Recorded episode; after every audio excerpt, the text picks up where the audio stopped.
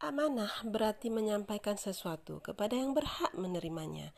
Amanah adalah salah satu sifat wajib para nabi dan rasul Allah Subhanahu wa taala. Rasulullah Shallallahu alaihi wasallam bersabda, "Tiada beriman orang yang tidak memegang amanah dan tidak ada agama bagi orang yang tidak menepati janji." Hadis riwayat Ahmad dan Baihaqi. Assalamualaikum warahmatullahi wabarakatuh. Bertemu lagi di Sirah Corner di mana cerita sirah menjadi sangat menyenangkan.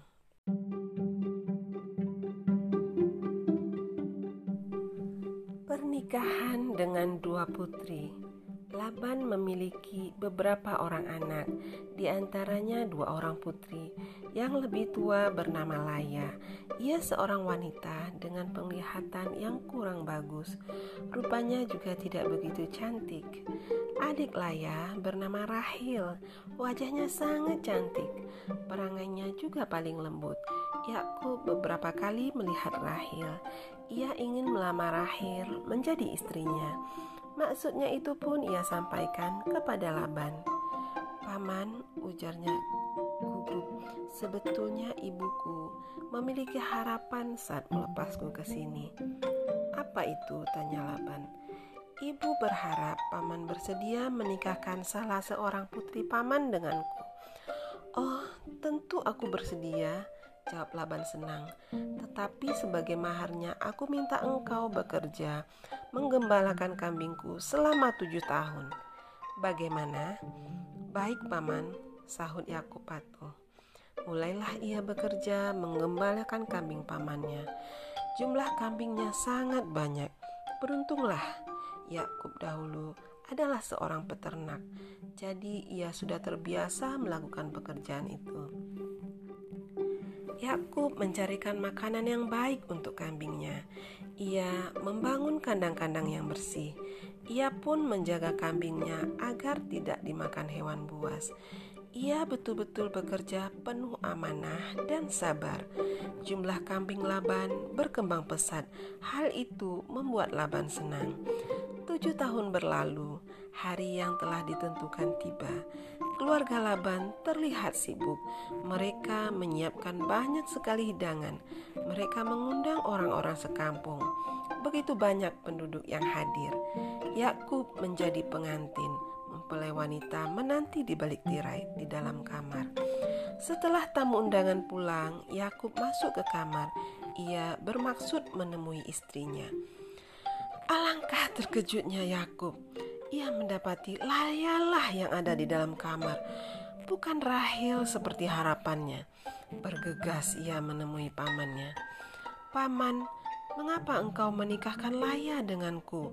Padahal aku berharap Rahel yang menjadi istriku, protesnya.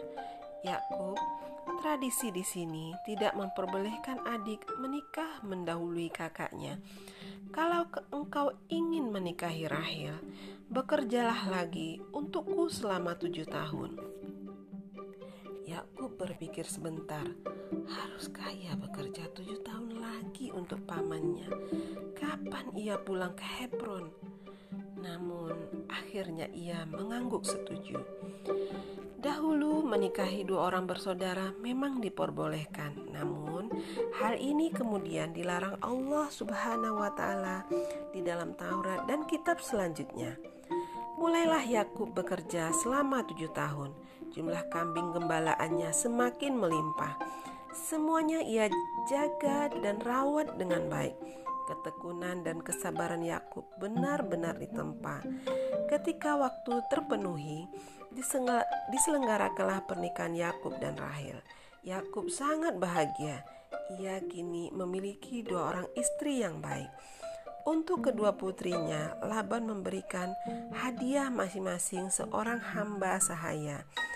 Laya mendapatkan pelayan bernama Zulfa, sedangkan Rahil mendapatkan pelayan bernama Balha.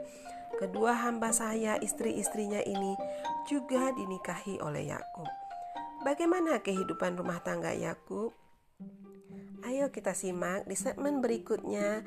Jangan sampai ketinggalan ya.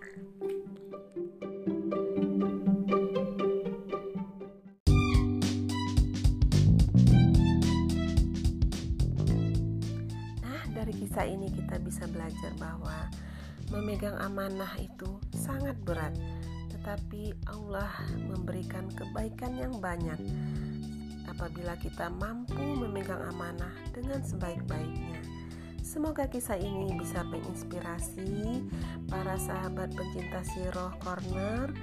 Wassalamualaikum warahmatullahi wabarakatuh.